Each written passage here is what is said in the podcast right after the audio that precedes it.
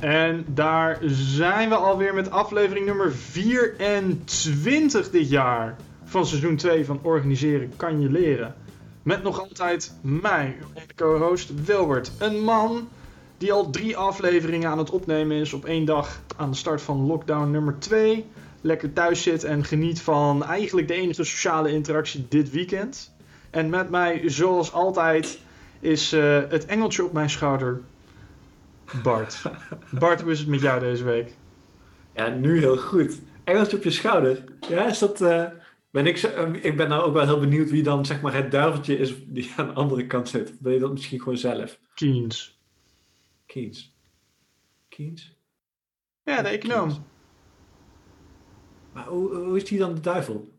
Ja, ik dacht, als jij het engeltje bent, zal hij de duivel waarschijnlijk wel zijn, toch? Ik weet niet, volgens mij uh, kunnen, kunnen hij en ik het een heel eind uh, goed vinden. Oh joh. Zeker okay. in crisistijd. Oh, dus, nou, daar gaan we, gaan we zeker nog een keer een aflevering aan wijden dan. Uh... Ja.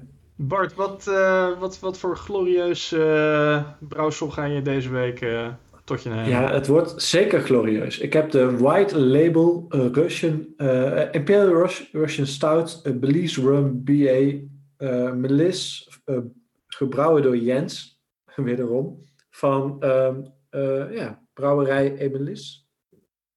Dutch Craft Beer, de ding. 13,5 procent. Ah, wat een jongen. En je moet weten, ik ben geen uh, groot fan van rum. Dat heeft uh, te maken met uh, overvloedige hoeveelheden strorum in mijn jeugd. Bart, ik, uh, uh, die, die gaan we toch een keertje nader onderzoeken wanneer de lockdown is opgeheven. Dan neem ik jou mee uh, naar, een, uh, naar een tentje hier in Utrecht waar ze echt kwaliteitsrum hebben. Waar het mij tot nu toe meermaals gelukt is om mensen die zeiden ik hou niet van rum, uh, toch te introduceren aan het soort rum waarvan ze zeiden van oh, blijkbaar hou ik gewoon niet van slechte rum. Bedoel jij die uh, cocktailbar om de hoek bij uh, Café België? Nee, hoewel die ook heel, uh, heel mooi is. Nee, ik heb het over de Maltvalt. Voornamelijk een, een whiskybar, maar die hebben ook een aantal echt, echt kwalitatief supergoede rums tot hun beschikking. Dat is een plek waar wij ooit een keer een podcast moeten opnemen. Dat, dat zeker. Ik kan dat vast wel een keer regelen met de eigenaar. hey, wat drink jij vanavond? Bart, ik, ik kijk al de hele dag uit naar dit bier.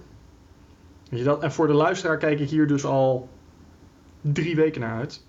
Uh, in het Smears pakket van onze sponsor uh, Beerwolf zat namelijk een puur goudhaan van de door mij zo ontzettend geliefde Bird Brewery. Hey. Een single malt, single hop, uh, smash, goud, fruitig en meloen. een heerlijke pale ale van uh, nou ja, wederom mijn geliefde Bird Brewery. Een van de mooiste brouwerijen in Nederland. Uh, ben ik uh, onder andere dankzij deze podcast achtergekomen. Ook een plek waar we ooit een keer moeten opnemen. Dus absoluut. Dat, ik, ik ben absoluut bereid tot een, tot een exclusiviteitsdeal met de Bird Brewery. Ik heb geen idee of ze stouts maken, maar ehm, als dat zo is, dan zal jij waarschijnlijk ook wel iets van je gading vinden. Mm -hmm. Ik ben wel bereid om daar met mijn hoofd uh, op uh, te staan. Mocht Bart, het ooit als... Uh... Proost. Ja, proost. Ik heb al een beetje zitten proeven hier. het is rummig. Mm. Mm. Eerst, over enige mm. sociale interactie gesproken. Dat is ook al, al wel even lekker aan, aan podcasten. Hè? Want, want een van de dingen die er toch wat minder in zitten in deze dagen is toch wel eventjes uh, met, uh, met iemand wat, uh, wat zaken doorspreken. Een beetje zowel ouwe hoeren als een beetje de verdieping opzoeken met wat. wat ja, dat is trouwens ook nog wel iets. Ik zat daar. Ik heb een tijdje terug heb ik gezegd van joh, ik ga eens aan mensen vragen van joh, wat zijn nou goede onderwerpen die wij kunnen bespreken. Mm -hmm. daar heb ik een tijdje over zitten denken van joh, het is wel interessant om mensen te vragen wat zijn nou de grootste problemen uh, die ik tegenkom. Maar ik kwam uiteindelijk toch tot de conclusie. Ik twee dingen. Eén, dat ik het best wel arrogant vond om aan mensen te vragen van zo, joh, wat vind jij nou een groot probleem waar wij over kunnen praten? Want wij weten natuurlijk wel hoe we dat probleem gaan oplossen waar jij over zit na te denken. Mm -hmm. En twee, is dat dat ook niet per se is wat ik leuk vind aan wat wij bespreken. Ik vind het vaak interessant, gewoon joh, van, van ik heb al dan niet een boek gelezen, of jij hebt een boek gelezen, of een onderwerp waar we mee bezig zijn, waar we over nadenken zijn van, joh, hoe denk jij daar nou over? Dat is eigenlijk veel meer wat ik volgens mij uit deze eh, podcast haal zelf. Ehm, en waar we ook elke keer wel, wel in slagen. Ehm, dus volgens mij is er weinig reden om het aan te passen. Zeker, zeker. Kijk, het kan, het kan zeker af en toe leuk zijn om een keer een, eh, een voorzetje uh, te hebben. Hmm. Uh, hè, wat, we, wat we ook gewoon een paar keer gedaan hebben. Hè? Dat, van, van trouwe luisteraars een vraag binnen van joh, wat, uh, hoe zit dit of hoe, hoe zit dat? Maar ja. uh, het, ik hoef niet noodzakelijk tot een oplossing te komen. Ik vind het vaak eigenlijk juist interessanter om het om het onderwerp van, van een aantal perspectieven te bekijken en toch een beetje hoor-wederhoor uh, daarover te doen. Dan, dan dat ik echt nee, maar ik denk, dat is ook de essentie, hè? Ja. Van, van, want wij worden toch over een aantal zaken niet eens. Dat is ook niet het doel. Uh, het is meer van, joh, wat is nou de, de manier tegen... En hoe komt het dat je er op zo'n manier tegenaan kijkt? Hè? Wat, wat zijn daarvoor argumenten? Of wat is de achtergrond? Of wat, en, uh, en daarmee ja. hebben wij een, nee, een voorbeeldrol voor de Nederlandse politiek. ja, ja, blijf met elkaar praten. Ja, sowieso dat, een goed ding. Dat, en wij zetten altijd de hele aflevering online en maken geen mooie soundbites ervan. ja, oké. Goed, waar gaan we het uh, deze derde opname van uh, zaterdag 17 oktober uh, over hebben? Nou Bart, wij, wij, wij eindigden de, de vorige aflevering een beetje op een, op een onderwerp waar, waarover ik, ik jou uiteindelijk zelfs dwong op te houden, omdat we echt tegen het einde van onze timebox zaten. Um, en daarom misschien eigenlijk gewoon leuk om, om daar toch een beetje op, verder op in te duiken, omdat ik, omdat ik toch merk dat we daar inderdaad wat, wat, wat andere meningen over hebben en andere beelden bij hebben. Um, en um, om hem om gewoon lekker vlammend erin te zetten, ga ik hem als stelling inbrengen. en dan gaan we het daar gewoon over hebben. Um, Bart, hier is de stelling. Nederland heeft enkel luxe problemen.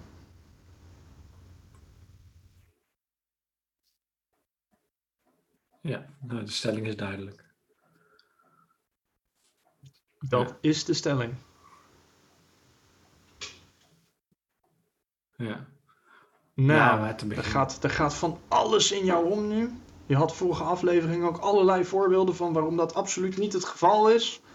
Eh, Groningers ja, en kindertoeslagen. Wat, wat is jouw... Uh, ik ga beginnen. Hoe, wat, wat vind jij nou... Uh, wat is jouw definitie van een luxe probleem? Hè, waar, wanneer is iets een luxe probleem en wanneer is het een groter probleem dan een luxe probleem? Oké. Okay. Hmm. In dit land Um, ik maak mij geen zorgen erover uh, dat ik uh, zomaar op straat word neergeschoten. Eigenlijk vrees ik niet voor mijn leven. Uh, misschien heeft dat er een beetje mee te maken dat ik natuurlijk in een bevoorrechte positie ook als blanke man zit. Maar over het algemeen, als ik over straat loop en dergelijke, ik vrees niet voor mijn leven. Um, ik weet dat in Nederland er voldoende sociaal vangnet is. Dat ik geen honger hoef te lijden. Dat er altijd gezondheidszorg voor mij is. En dat er een, uh, dat er een aantal sociale vangnetten bestaan. Mocht het een tijdje niet slecht gaan met me. En dat, daarmee zeg ik niet dat dit land geen problemen kent. Want ja, die zijn er allemaal. Maar die zijn niet van het soort fundamentele aard. Zoals je dat bijvoorbeeld wel tegenkomt in bepaalde Oostbloklanden of bijvoorbeeld Amerika. Hè, waarin als je ziek wordt er absoluut een risico bestaat dat je daaraan failliet gaat. Of dat je doodgaat omdat je de kosten gewoon niet kan betalen. Of waar je in bepaalde wijken gewoon echt niet over straat kan lopen.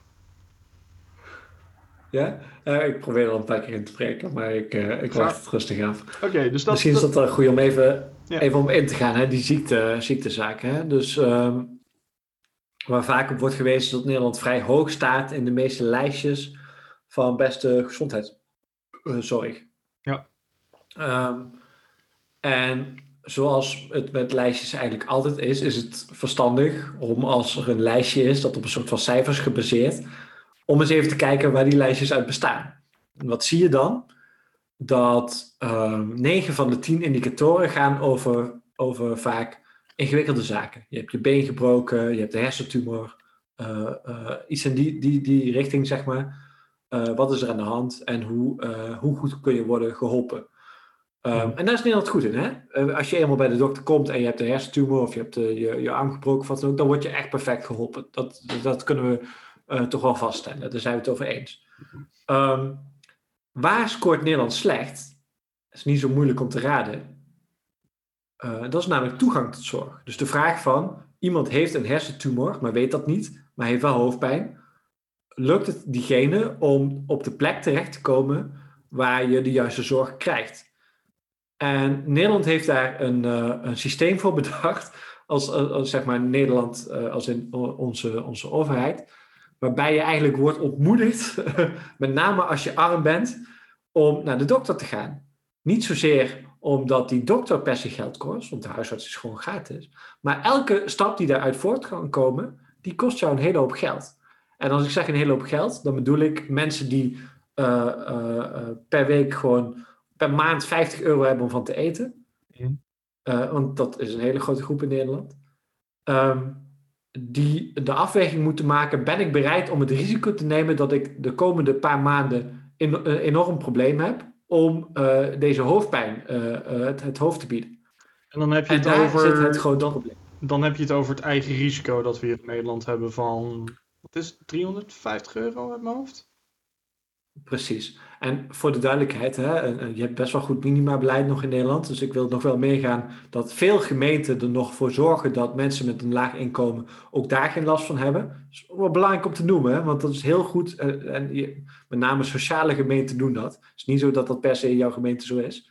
Uh, dus je moet een beetje geluk hebben dat, dat er wat linkse mensen daar aan de macht zijn, in plaats van rechtse, uh, om daar toegang tot te hebben.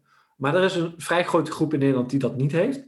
Uh, en die dus wel degelijk een, uh, een hele moeilijke beslissing heeft te nemen bij elk kwaaltje dat ze hebben. Wil ik uh, dit jaar dat eigen risico aanwenden?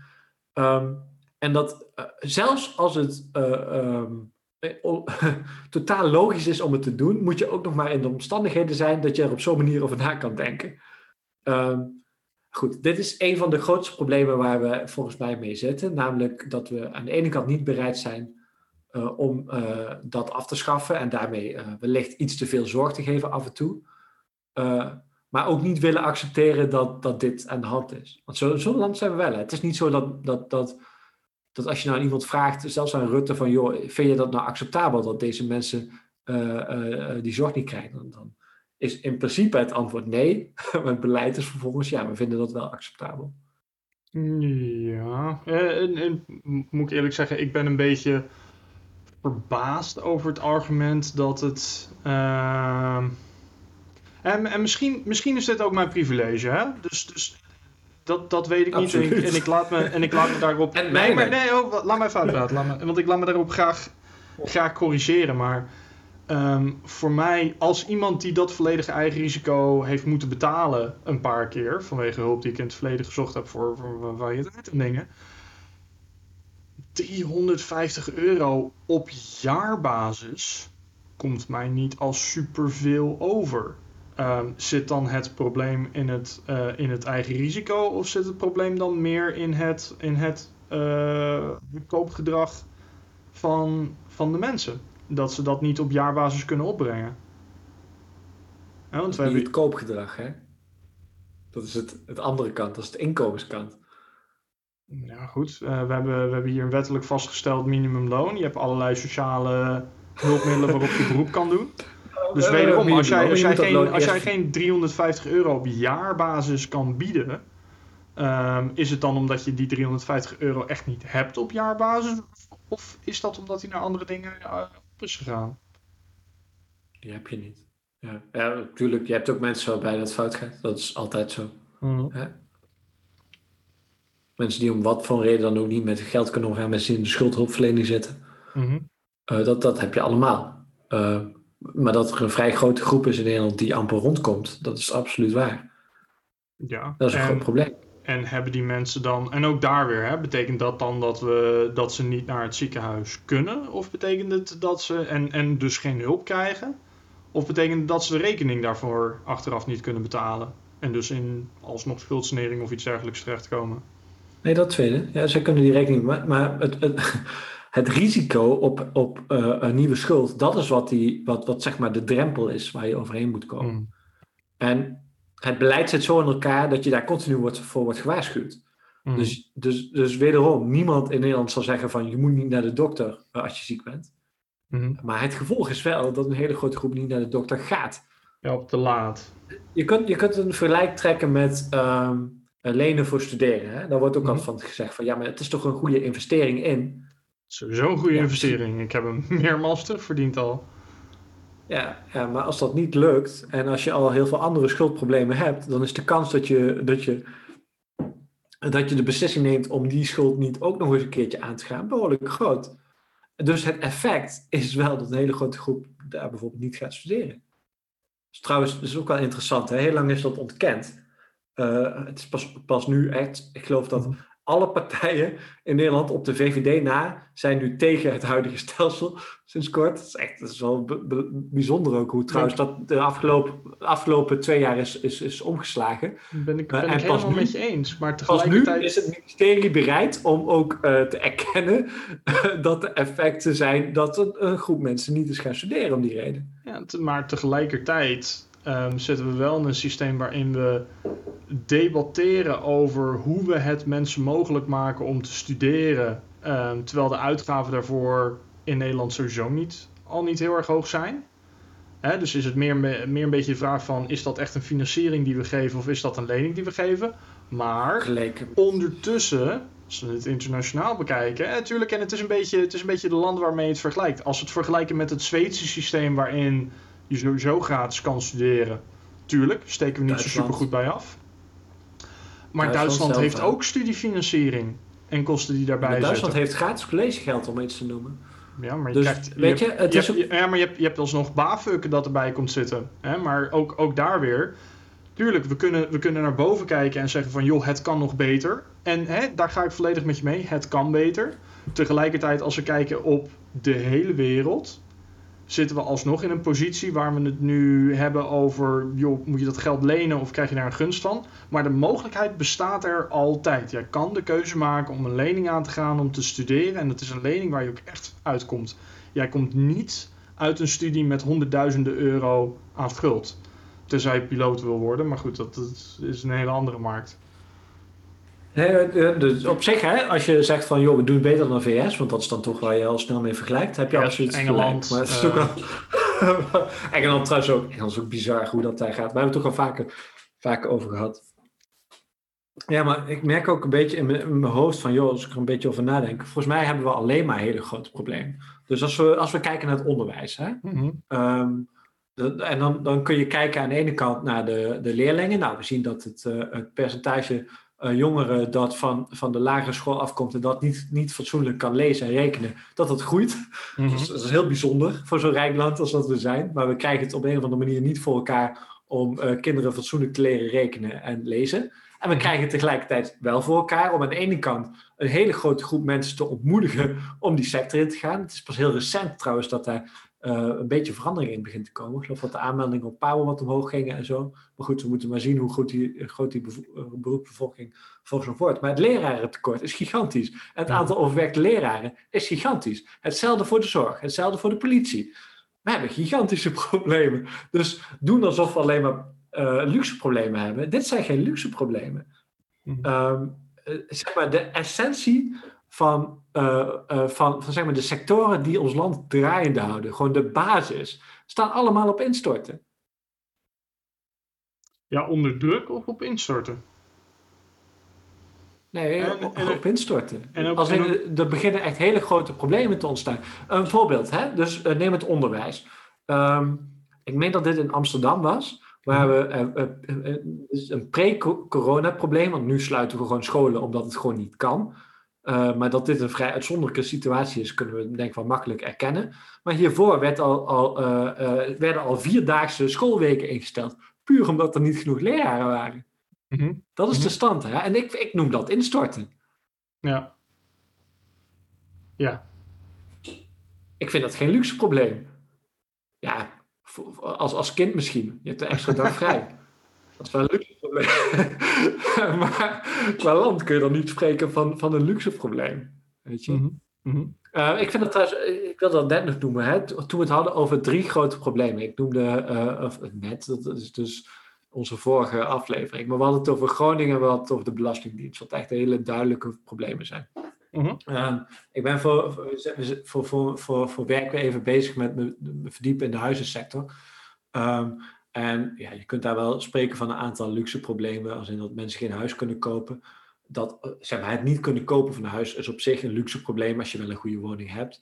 Um, uh, de wenselijkheid van al dat soort zaken is allemaal nog een, nog een tweede ding. Uh, maar een absoluut probleem wat we daar hebben is dat er anderhalf miljoen mensen zijn met schimmel in hun huis. Anderhalf miljoen. En als ik zeg schimmel in mijn huis, dan, dan, dan kun je denken van nou, er zit wat, je hebt wat slechte ruiten en zo en er zit wat zwarte mot omheen prima. Hè? Een deel daarvan die problemen zijn misschien ook wel veroorzaakt door mensen die dat slecht isoleren. Dat, allemaal, dat kun je allemaal nog wel zeggen. Maar anderhalf miljoen is niet een klein probleem. En bij die anderhalf miljoen mensen wonen ook ontzettend veel kinderen. Wat betekent dat er een hele hoop kinderen opgroeien in een woning die gewoon ongezond is. Oftewel dat er allerlei gezondheidsproblemen ontstaan. Vrij groot probleem. Geen luxe probleem. Ja, je hebt een dak boven je hoofd, dat is waar. het net, perspectief is natuurlijk altijd wel. Nee, maar ook, ook, ook daar weer, hè? Want, want ik hoor je nu, en terecht hoor, want ik hoor je wel echt een aantal problemen noemen.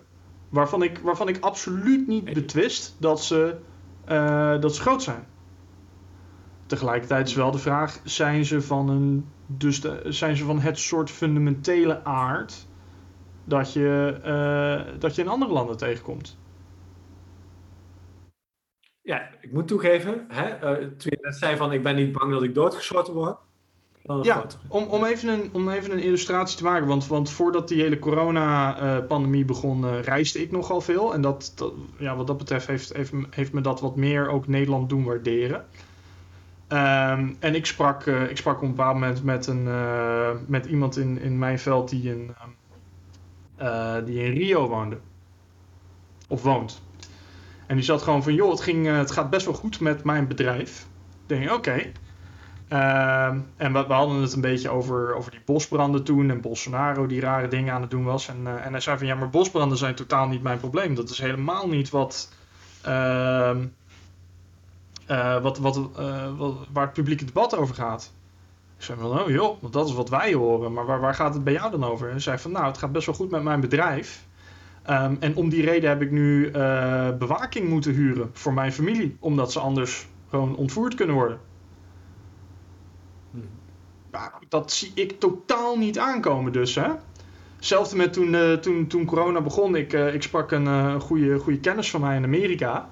En we hadden het, we hadden het een beetje over, over, over die lockdown en dat die eraan kwam en over de economie. En, uh, en hij zei gewoon even te loop, zegt van, nou ja, weet je, ik ben gewoon, uh, ik ben, ben al mijn geweren nog een keertje langsgelopen om te kijken of ze werken. In het geval ze hier komen plunderen. Dus ik ook van, ja, weet je, dat, dat is totaal niet iets dat speelt hier. Hè? En, dat, en, en dan, dan kijk ik hier naar Nederland en dan zeg ik... En, en, nou, maar en, dan, en dan, zeg ik dus tegelijkertijd van, ja, we hebben problemen hier. Absoluut problemen hier. En tegelijkertijd zijn het niet problemen van het soort, van het soort fundamentele aard dat je daar ziet. Je hoeft geen honger te lijden in Nederland. Je hoeft niet dood te gaan doordat je geen zorg krijgt hier in Nederland. Je hoeft niet dakloos te zijn hier in Nederland. Je hoeft niet bang te zijn om doodgeschoten te worden hier in Nederland. En dat, en dat neemt niet weg dat er absoluut ernstige problemen zijn om aan te werken. En tegelijkertijd, het, de manier waarop daar af en toe over gepraat wordt: van joh, dit is crisis en alles staat op instort. En ik van ja, je moet misschien een keer een ingestort land meemaken. Om te nou weten dat. Heb, je, hebt het over, over reizen en ik denk dat, uh, dat de, zowel de VS als Brazilië zijn wat dat betreft wel interessante voorbeelden. Ik heb zelf in, in uh, het Verenigd Koninkrijk gewoond en in België. Dus uh, ik wil, en jarenlang, hè, dus ik, ik weet ook wel wat van hoe het buitenland is. En ik moet zeggen, landen die nog, nog, nog zeker vergeleken met Brazilië bijzonder op Nederland lijken, ik zou er niet willen wonen nog een keer. Zowel het VK als, als België. Ik ga er niet naartoe. Um, uh, dus die wil, ik, die wil ik je best geven. Um, Maar je punt was anders, namelijk alleen maar luxe problemen. En ik Mhm. vind dit allemaal geen luxe problemen. En, ehm, maar goed, er is altijd een schaal. Hè? Ja. Dus ik, ik, eh, ik, eh, ik had al eerder verteld over een, eh, een vriendin van me die nu in Jemen zit. En die stuurde van de week ook nog even wat, wat foto's door van, van de plaats waar ze precies zit. En kijk, haar, haar punt daar is van ze hebben op zowel alle auto's als op het dak een heel, heel duidelijk het logo van Artsen zonder Grenzen staan. Om te zorgen dat, dat ze niet gebombardeerd worden. Ja, dat is natuurlijk een groter probleem dan dat wij hebben in Nederland. Dus ja, dat is natuurlijk maar net waar we het over, over hebben. Hè? Dus, eh, maar dan nog steeds zou ik al deze zaken geen luxe probleem houden. Ik vind het ook wel ingewikkeld eh, als het gaat over de vraag van eh, in Nederland hoef je geen honger te lijden. Dat is in zekere zin denk ik waar. Tegelijkertijd zijn er mensen in Nederland die honger lijden. Eh, die echt te weinig, in ieder geval te weinig hebben om een fatsoenlijke maaltijd, maaltijd te kunnen kopen in de week. Hm. Puur omdat hun inkomen enorm laag is, of dat er veel schulden zijn. Wat dan ook, heel veel pech. En een van de, van de dingen, ehm, en daar is eigen risico trouwens ook weer een interessante bij, is mensen die chronisch ziek worden, een laag inkomen hebben, ehm, eh, maar toch in de bijstand zijn geraakt en niet in een arbeidsongeschiktheidssituatie. Want we keuren nogal snel, eh, streng in Nederland. Ehm, strenger dan, dan dat, dat reëel is. Uh, Hmm. Oftewel, mensen worden gewoon echt niet aangenomen, belanden in de bijstand bij, en, en, hebben bijvoorbeeld uh, dure huurlasten. En dan denk je van, ga ik goedkoper wonen? Nou, in Nederland kun je niet goedkoper wonen. Dat is gewoon de realiteit. Um, je, komt, je komt met ja, dat, en, en als je dan dus een maar de opstapeling hebt, ja. Nou ja, nou ja dan, zeg maar, dan heb je, de, en dat, dat, is ook wel interessant om over te hebben. Je hebt in Nederland een soort van afvoerputjes. En die zijn er heel bewust. En eentje daarvan is, is uh, hoe heet die? Camping Oranje. Iets beneden Breda, meen ik dat het zit. Mm -hmm. en dan zie je dat vrij veel mensen die met, met, met heel veel problemen, zowel qua financiën als bijvoorbeeld geestelijk of lichamelijk, of, of arbeidsmigranten, die zitten er ook massaal, um, gewoon op, op campings uh, terechtkomen in een caravan, net als in de VS. Want daar heb je precies dezelfde problemen met precies dezelfde oplossing. Uh, ga maar op een plek wonen waar je elke week net de, de, de, huur en eh, die paar blikken die je nodig hebt om te kunnen eten kunt kopen. maar ja, wat, wat mij altijd wel heeft gefascineerd, en ik merk het ook wel onder een aantal vrienden van mij in Nijmegen, is dat um, het is best wel moeilijk om je in Nederland voor te stellen dat die problemen bestaan. Omdat we gewoon gewend zijn om het allemaal niet te zien. Hmm. Um, en als je niet naar op zoek gaat, dan vind je het ook niet. Maar het bestaat allemaal wel. En het is misschien minder erg dan in de VS, maar het bestaat zeker. Uh, ik vond het toch ook wel interessant aan, aan, aan uh, corona. Hè? Um, dus je hebt, je hebt vrij veel, uh, vrij grote fabriek, fabrieken waar vlees wordt verwerkt tot nou ja, uh, bitterballen, bij wijze van spreken. Mm. Um, zijn grote hallen waarin mensen gewoon de hele dag op vlees in staan te slaan. En die arbeidsomstandigheden zijn heel slecht. En het wordt eigenlijk bijna allemaal door arbeidsmigranten uitgevoerd, omdat niemand anders het wil doen. Um, en het heeft eigenlijk tot corona geduurd voordat daar iets aan werd gedaan. Um, maar niet alleen dat. Dus in Nederland gebeurde op een gegeven moment dat, dat men doorkreeg van, joh, die, die omstandigheden zijn heel slecht. En niet gek dat men, als, als men daar allemaal werkt, gelijk corona krijgt, dus dat moeten we verbeteren. In het Verenigd Koninkrijk is uh, vrij vroeg in de coronacrisis zijn maatregelen genomen om te zorgen dat, dat allerlei dingen niet meer mochten. Fabrieken moesten dicht, et cetera. En wat was de grote uitzondering? Arbeidsmigratie. Dat moest doorgaan, want anders kwam een te groot deel stil te staan. um, goed voorbeeld van, um, nou ja, ja hoe, hoe het maakt niet zoveel uit, deze mensen. Hè, we zijn bereid het risico daar te nemen. Dat is een beetje wat daar gebeurt. Um, maar goed, Eindelijk. als je wil zeggen van ze werden in ieder geval niet dood, doodgeschoten, dat is waar. maar ja, het zijn ja, wel het waren, uh, ze, zijn, ze zijn vrij om te vertrekken. Ook daar vrij, vrijheid van volksbeweging, vrij om een andere baan te zoeken, vrij om andere dingen te doen. Dit is, je hebt ook vrijheden in Europa. Het is, je moet er maar een beetje mee om mee weten te gaan.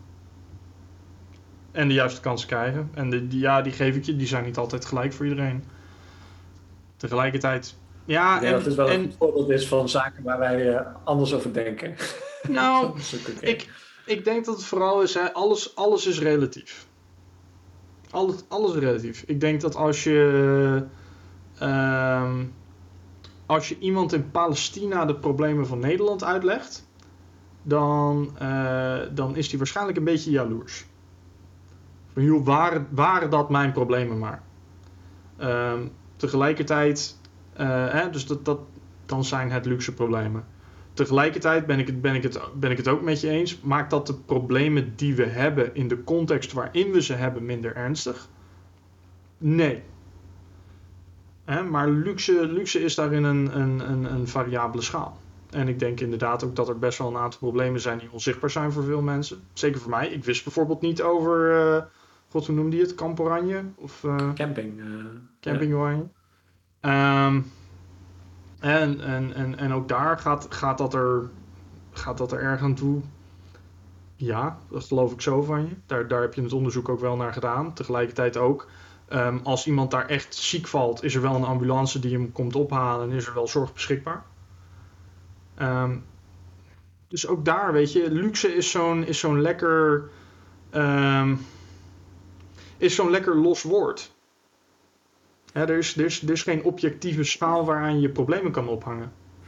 Ja, op zich is die er wel. Hè. Gewoon, vinden we dit met z'n allen acceptabel? Dat is uiteindelijk uh, de vraag. Ja, maar daar, daar, laten we zeggen, de, de zin zelf zegt al dat die subjectief is. Vinden we dit Tuurlijk. met z'n allen? Um, ja, maar dat, dat, dat, is, dat is het punt ook precies wat ik wilde maken. Het is subjectief. En het is als ons, aan ons als maatschappij om te zeggen van dit is waar wij de grens stellen. Um, en ik, ik ben er bijvoorbeeld ook van overtuigd dat iets als eigen risico, wat, wat um, op zichzelf hè, geïsoleerd best als een redelijke eis uh, stelt van joh, je bent ziek, je, hebt, je, je kunt eraan bijdragen.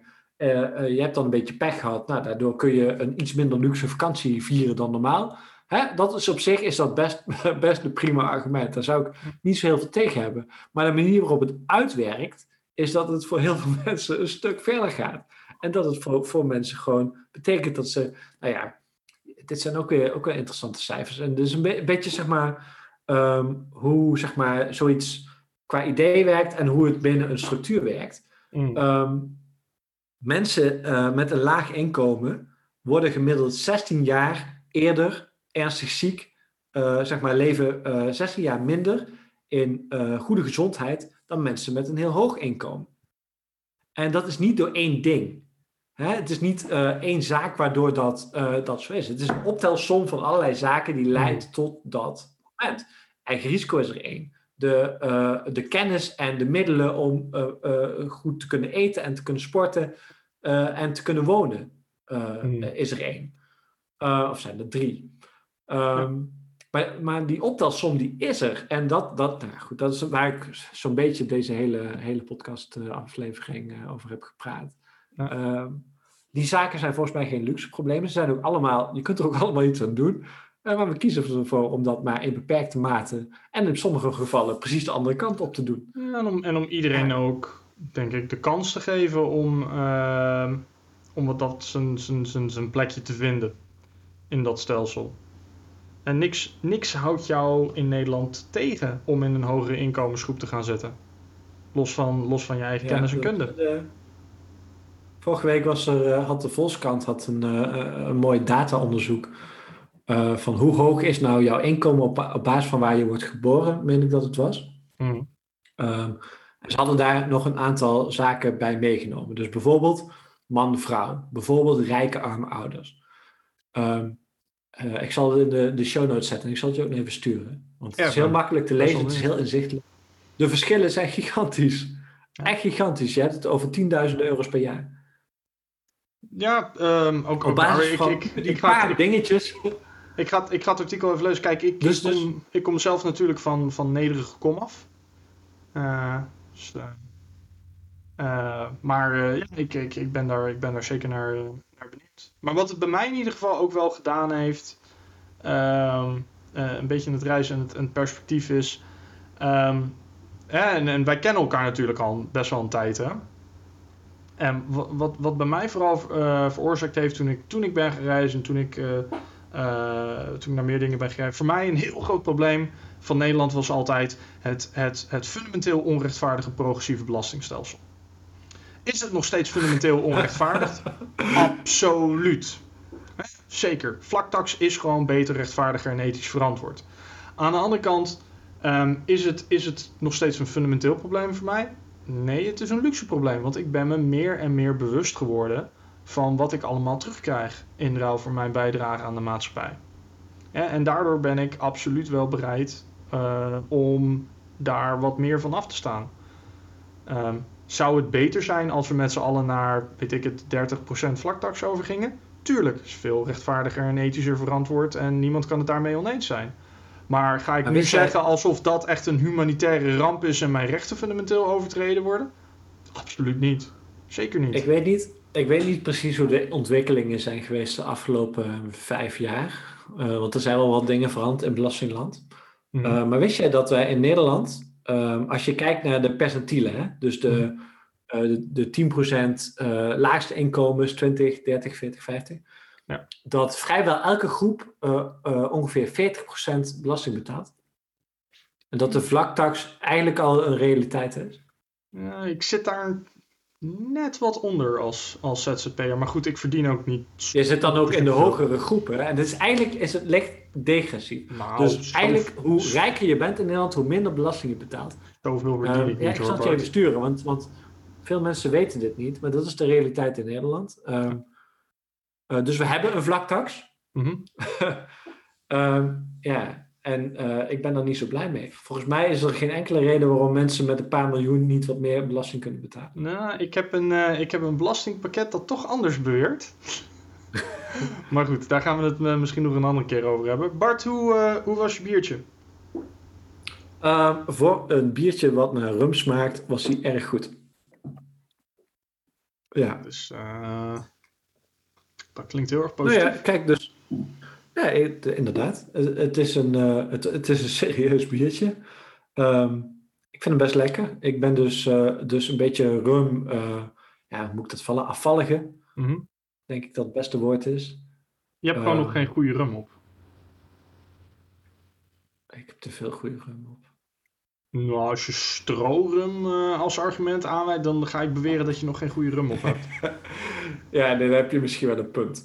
Uh, maar ja, nee, maar het is gewoon, het is een soort van, weet je, je hebt soms van die drankjes die je in je jeugd veel drinkt. En mm. uh, omdat je het in je jeugd veel drinkt, ben je nogal, heb je het nogal overschat hoeveel je kan drinken.